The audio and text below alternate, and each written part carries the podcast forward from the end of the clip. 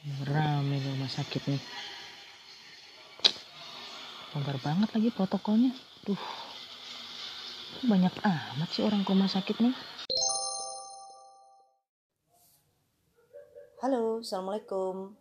Ketemu lagi dengan saya Kamelia di Cari Podcast. Podcastnya pencari informasi yang bikin happy.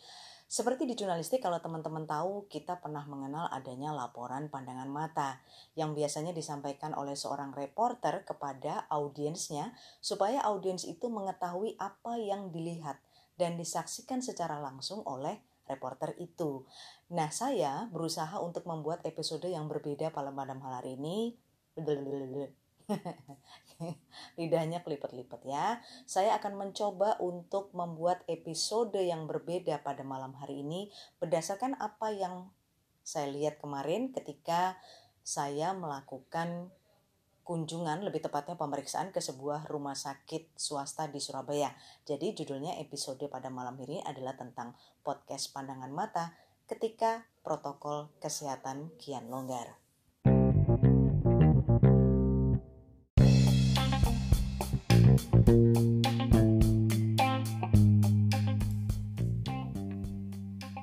Kalau dihitung emang pandemi di Indonesia tuh udah berlangsung sekitar kalau dihitung kita sejak Maret ya berarti 10 bulanan kali ya. Lama loh itu, itu bukan waktu yang sebentar untuk kita merasa khawatir, takut ya dan serba nggak pastilah nggak tahu kapan pandemi ini akan berakhir.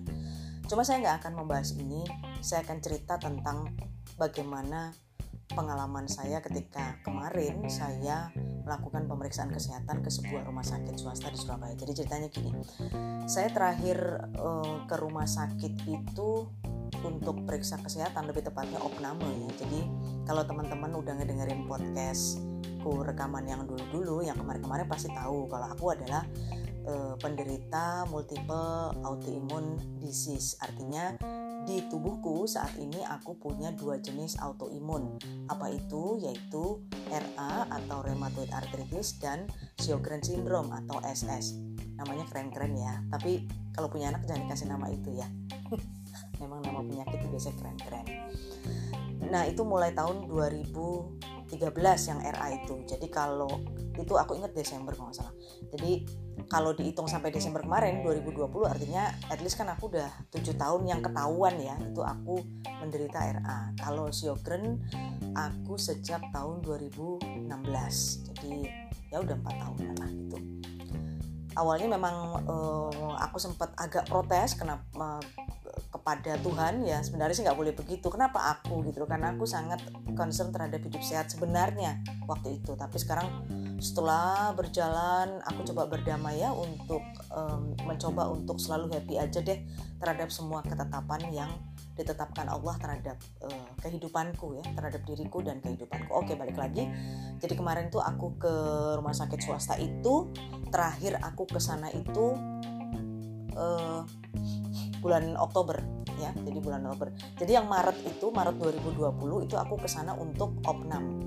Opnam untuk apa namanya injeksi Remicade. Coba nanti teman-teman bisa googling ya. Remicade itu apa tulisannya Remicade.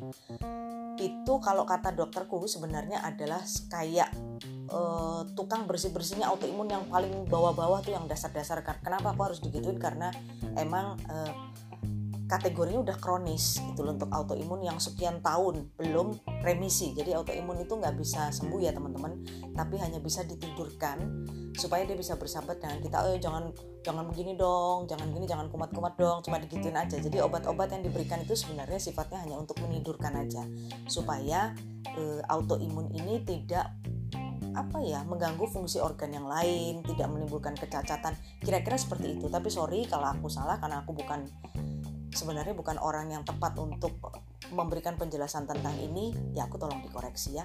Itu yang aku tahu yang aku dengar yang aku baca seperti itu ya. Kira-kira seperti itu.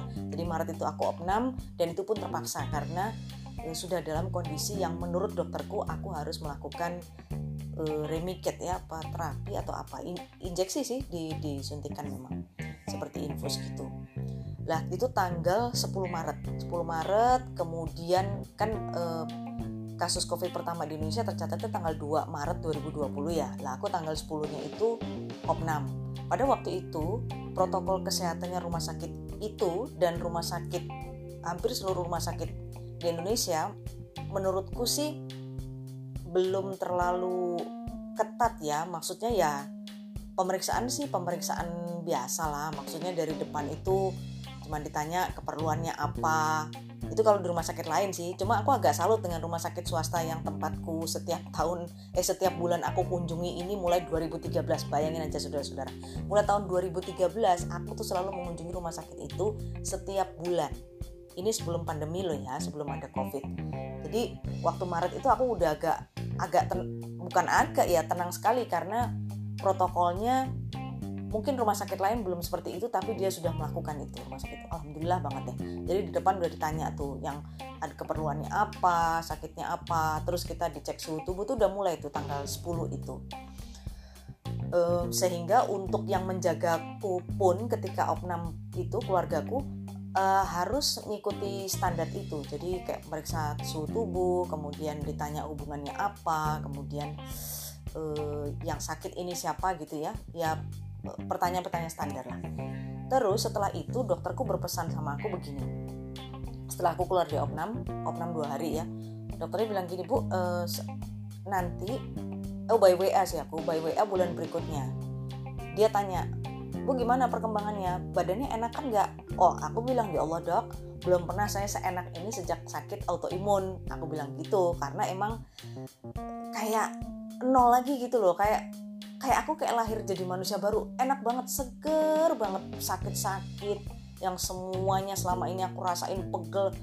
Nggak ada semuanya saudara-saudara. Itu hilang. Jadi aku bilang sama dia ya Allah dok enak banget ya ini gitu loh. Ya bu emang seperti itu katanya gitu. Terus kira-kira uh, saya kontrol lagi kapan dok Nah terus dia bilang gini dokterku itu aduh bu sekarang ini lagi itu Maret ya. Sekarang ini kondisinya lagi tidak menentu jadi kita nggak tahu kita masih harus wait and see kita harus masih nunggu. Untuk uh, yang autoimun saya sarankan ke ibu ini sebaiknya kalau nggak sakit bener masih bisa ditahan gitu. Nggak usah ke rumah sakit ya bu. Soalnya kan orang AI juga autoimun ya maksudnya. AI itu sangat rentan terhadap virus. Jadi kalau teman-teman yang belum tahu apa itu autoimun mungkin bisa googling. Tapi secara ringkas sebenarnya autoimun tuh begini. Kita di setiap tubuh itu punya imun yang berfungsi sebagai tentara bagi tubuh kita. Tugas imun ini adalah melawan zat asing benda asing yang masuk kalau memang itu virus atau penyakit membawa keburukan kepada kita dia akan melawan dia akan istilahnya uh, membentengi kita. Harusnya pada kondisi normal setiap manusia seperti itu fungsi imunnya. Tapi pada penderita autoimun beda. Auto kan istilahnya kan sendiri ya dari dalam. Auto itu sendiri maksudnya. Jadi imun kita sendiri yang justru kemudian berbalik melawan kita. Jadi imun ini kayak bingung gitu loh. Ketika ada yang masuk dia bingung. Loh aku ini disuruh ngelawan apa disuruh uh, disuruh ngapain? Dia tuh bingung gitu loh. Awalnya aku kira orang autoimun ini adalah orang yang punya imun berlimpah banyak. Nggak seperti orang normal biasa. Sehingga dalam logikaku aduh enak nih. Aku nggak bakal kena sakit bahkan flu pun gitu loh ternyata aku salah. Se seiring berjalannya waktu aku mulai banyak baca gabung dengan komunitas. Aku semakin ngerti semakin ngeh lah ya paling nggak semakin paham dalam pemahaman orang awam bahwa sebenarnya oh gitu toh. Maksudnya yang ada di dalam tubuh kita ini justru mengalami kebingungan sebenarnya. Dia dia bingung aku ini harus disuruh ngapain sih? Gitu. Ya udah deh kayak gitu. Jadi uh, dokterku bilang kalau nggak sakit bener. Kalau nggak ada keluhan yang berarti banget bu. Nggak usah ke sini dia bilang gitu oh kira-kira pada waktu itu kira-kira kalau Oktober uh, Agustus ya Agustus saya kontrol gimana ya dok ya? Ya kita lihat situasi ya bu. Insya Allah Agustus bisa. Waktu itu bilangnya begitu. Dan jadi aku tunggu gitu. Nggak pernah kontrol. Aku cuma ngabisin sisa-sisa obat ya karena uh, seperti yang aku bilang tadi di depan sebenarnya obat-obat itu hanya untuk menidurkan imunku sih supaya nggak terlalu hiperaktif gitu loh. Supaya dia tidur diam dipuk-puk gitu ya sebenarnya udah tenang tenang imun jangan ngapa-ngapain jangan jangan membuat sesuatu yang membuat aku jadi heboh ke sana ke sini gitu. Obat-obatnya seperti itu. Dan obat itu pun habis uh, bulan Oktober ya. Jadi Oktober tuh aku udah nggak bisa nahan karena stok obat udah nggak ada aku udah nggak bisa perpanjangan resep. Karena memang obat-obat untuk orang-orang autoimun adalah obat-obat yang khusus ya dalam golongan keras kalau nggak salah. Sehingga harus dengan resep dokter dan di bawah pengawasan dokter. Terus aku bilang sama dokterku dok gimana nih dok? Aku udah nggak tahan maksudnya sakit banget di sendi-sendi. Aku butuh juga biasanya kan lututku disuntik juga kan. Aku butuh suntikan untuk lutut karena uh, jalanku udah agak pincang-pincang gitu loh agak nyeri-nyeri gimana nyeri-nyeri disco gitu. Jadi aku butuh uh, apa ya suggest dokter uh, apa terapi seperti apa pengobatan seperti apa yang harus aku uh, lakukan. Akhirnya dokter saya bilang gini ya udah bu gak apa-apa Bismillah ke rumah sakit aja. Nanti uh, apa kita istilahnya cepet-cepetan aja lah. Tapi ibu pakai ini ya bu protokol yang ketat gitu ya. Terus aku datang tuh bulan Oktober kebetulan pada waktu itu Oktober itu ketat sekali. Jadi prokesnya lebih ketat dari yang Maret. Kalau yang Maret tadi kan cuma dicek suhu ya. Nah yang Oktober ini aku salut banget. Jadi e, mereka pihak rumah sakit itu mulai menyediakan apa namanya alat pengukur suhu yang otomatis. Kemudian itu nanti ditempelin stiker kemudian stiker pengukur suhunya itu ditempel ke terserah mau dipakai kita apa, apa atau di bagian lain di diri kita yang memang orang lain tahu bahwa kita sudah lolos dalam uh, dalam pemeriksaan suhu. Terus abis itu ada lagi uh, petugasnya di situ nanyain keperluannya apa terus kemudian alamat alamat sesuai KTP ya kemudian ke dokter siapa kemudian uh, sakitnya apa terus terakhir dia tanya terakhir kapan melakukan rapid test seperti itu. Jadi kalau enggak ya kita bilang enggak emang boleh sih masuk cuman prosedurnya akan uh, lebih ribet daripada yang Maret kemarin. Terus ditanya apa lagi ya? Oh uh, terus kita pakai hand sanitizer. Terus di pemeriksaan kedua itu dia tanya apa ya? Oh dia ngambil lembar yang udah tadi kita isi. Jadi di depan tuh ada lembar yang kita isi. Susternya bantu ngisi terus kita tanda tangan. Terus di pemeriksaan kedua lini duanya itu kita diminta untuk menyerahkan form itu. Nggak jauh sih jaraknya cuman ya, antrian cukup inilah sekitar lima orang empat orang untuk antrian masuk itu. Dan pada waktu Oktober itu kayaknya sih karena aku sih kebetulan memang aku berangkat sendiri ya karena aku melarang anggota keluarga aku untuk nganter jadi nggak usah termasuk anakku pun mau nawarin kan nggak usah. Biar uh, aku aja mama aja sendiri uh, masih bisa jalan kan nggak apa-apa. Kecuali memang orang dengan maaf ya dengan bantuan kursi roda atau butuh pendampingan memang pada waktu itu di bulan Oktober itu diloloskan oleh pihak rumah sakit. Tapi kayaknya kalau yang yang nggak berkepentingan kayaknya nggak boleh masuk deh pada waktu itu. Terus uh, penggunaan masker. Penggunaan masker juga gitu. Ada uh, orang di belakangku kebetulan bapak-bapak tua itu dia pakai masker yang bukan medis masker kain biasa lah masker yang biasa. Itu dia diminta untuk beli di situ. Jadi diwajibkan untuk pakai memang masker uh, medis. Kalau aku sih pada waktu itu ya karena kita orang autoimun ya jadi aku pakainya pada waktu itu masker terus aku pakai sarung tangan terus aku juga pakai uh, face shield. Yang jelas baju panjangnya memang aku berhijab jadi panjang semua. Uh, kos kaki dan lain-lain komplit. Jadi seperti itulah. Terus aku juga di rumah sakit kan biasanya kalau nunggu panggilan tuh suka nyinyem nyinyem nyemil gak karuan kan e, pada waktu itu aku nggak berani nggak berani bener buka masker gitu ya. Bahkan untuk ke toilet pun aku nggak nggak berani jadi aku nahan gitu. Lah aku masuk kemudian dokternya periksa pada waktu Oktober itu e, karena udah lama nggak kontrol aku diminta untuk apa tiduran di tempat tidurnya dokter dia periksa kemudian diinjeksi e, lutut kemudian diminta untuk segera pulang terus seluruh baju yang dipakai itu disuruh cuci semua. Face shieldnya di steril semuanya di steril lah ya termasuk tasku. Kemudian uh, resep-resep dan handphone yang ada di tas itu diminta untuk dokter untuk segera mensteril sampai rumah bu. Dan jangan uh, cium tangan. Mamanya anak mau cium tangan kita datang nggak usah lah ya. Jadi turun dari mobil langsung masuk kamar mandi langsung baju masuk uh, mesin cuci kayak gitu tapi itu aku masih uh, sama dokternya di diminta untuk ke, naik ke tempat tidur mungkin karena suntik lutut ya aku nggak ngerti sih. Nah terus kemarin tuh kan aku berarti setelah Oktober ya setelah Oktober November Desember ah Januari obatku habis jadi aku harus ke dokter lagi kemarin tuh. Terus aku datang.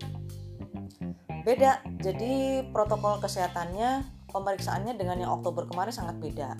Oh menurutku sih udah jauh longgar ya. Jadi di depan cuma diperiksa suhu uh, apa yang otomatis itu dan petugas yang di front itu bukan uh, suster yang seperti kemarin-kemarin baju putih baju putih gitu. Tapi ini lebih pada security. Jadi dia hanya memperhatikan oh apa pengunjung ini pakai masker medis kemudian udah cek suhu. Terus aku diem kan di depan lo udah pak pemeriksaannya gini aja. Ya bu langsung aja ibu mau ke mana? Mau ke uh, penyakit dalam. Oh ya langsung aja bu lantai dua. Oh ya terus aku sambil jalan tuh mikir gini kok jadi longgar kayak gini sih? Terus aku masuk itu masuk itu aku lihat ih beda ya sama Oktober kemarin. Oktober kemarin tuh bener-bener sepi saudara-saudara. Jadi sebelumnya kalau aku kontrol jauh sebelum pandemi itu biasanya jam 12 siang itu nomor pendaftaran udah 500 loh. Kepala 5 3 digit bayangin. Aku nggak ngerti ya itu codingnya kayak apa cuman yang jelas tuh udah 5 3 6 udah sekitar segitulah itu jam 12 siang. Tapi waktu Oktober itu um, sedikit sekali. Hanya berapa ya? Paling belas-belasan nah yang kemarin itu aku datang uh, jam 1 siang itu sekitar nomor 43 jadi ya udah lumayan rame ya. Jadi begitu aku naik lantai dua ih rumah sakit itu rame banget gitu loh aku sempat khawatir sih wah ini aku nggak boleh lama-lama di sini nih gitu. Terus aku perhatiin kan apa yang membuat rumah sakit ini rame gitu ya? Karena kebetulan antrian dokterku itu juga dokternya memang karena spesialis autoimun ya jadi mungkin pasien-pasien itu kan pasien-pasien autoimun semua. Itu ada satu pasien uh, itu diantar oleh tiga orang. Terus ada lagi aku lihat ada lagi pasien lagi ya mohon maaf kalau menurutku sih sebenarnya dia secara fisik nggak kelihatan kalau butuh pendampingan uh, keluarga ya tapi itu bawa keluarga banyak. Bahkan ada yang bawa anak kecil ke rumah sakit itu. Aku mikir aduh orang-orang ini kenapa jadi kayak gini ya? Maksudnya kenapa nggak yang sakit aja sih di drop gitu? Nanti dijemput lagi. Ya bukan kita nggak aware ya cuma maksudnya menurutku sih seperti itu. Dengan tidak mengajak keluarga lain selama kita mampu ya. Maksudnya selama insya Allah lah selama kita masih bisa jalan maaf nggak ada bantuan kursi roda atau apa gitu aku rasa akan uh, better kalau kita nggak ngajak anggota keluarga yang lain. Ini menurutku loh ya menurutku. Karena aku udah udah dah kayak Kevin tuh aduh anakku jangan jangan kamu nggak usah nganter mama nggak usah. Nanti uh, apa bisa sendiri kok mama. Nanti kalaupun mudah-mudahan nggak ada apa-apa tapi kalau ada apa-apa kan ada saya batin paling ada kan ada susternya kan nggak mungkin kita dibiarin kegeletak di situ kan nggak mungkin. Jadi saya lebih uh, aware ke keluarga lebih khawatir saya kalau mereka nganter gitu loh. Jadi ya itu pas di depan dokternya saya mikir waduh kok banyak banget orang di sini. Yang masuk satu yang nganter tiga. Ah, cuman aku nggak ngerti dia pasien setelahku. Aku nggak ngerti apakah dokterku membolehkan tiga-tiganya masuk ke dalam. Mungkin aku rasa enggak ya yang nganter mungkin di luar. Seperti itu. Terus hmm, kalau aku sendiri sih dari protokolku sih tetap pakai face shield kemudian masker medis ya dan semuanya uh, lengkap uh, cuma kemarin aku nggak pakai sarung tangan cuma pakai uh, sering-sering pakai hand sanitizer terus duduknya juga jauh-jauhan sama orang-orang. Terus untuk obat karena obat itu racikan ya jadi uh, puyer jadi lama banget kalau udah terkenal tuh. Aku kalau udah antri obat itu bisa lama sekali gitu loh. Jadi aku putuskan untuk udah deh aku tinggal aja besok-besok aja aku ambil gitu loh. Kalau memang betul-betul udah habis bis bener biasanya sih aku masih ada uh, jeda untuk satu minggu sih sebelum habis. Gitu deh saudara-saudara. Capek ya aku ceritanya. 17 menit. Oke deh. Uh, itu aja sih podcast pandangan mataku yang kemarin uh, aku melakukan pemeriksaan kesehatan di sebuah rumah sakit swasta di Surabaya. Untuk teman-teman penderita autoimun dan yang lagi sakit di di sana yang kuat, yang sabar. Semoga kita semua bisa melewati pandemi ini dengan segera dan selamat ya. Jangan pernah longgarkan protokol kesehatan, jangan abai, jangan meremehkan. Karena kita nggak pernah tahu sebenarnya kita ini sudah terpapar atau belum Alhamdulillah ya. Semoga kita senantiasa diberikan kesehatan ketabahan kesabaran melewati ini semua.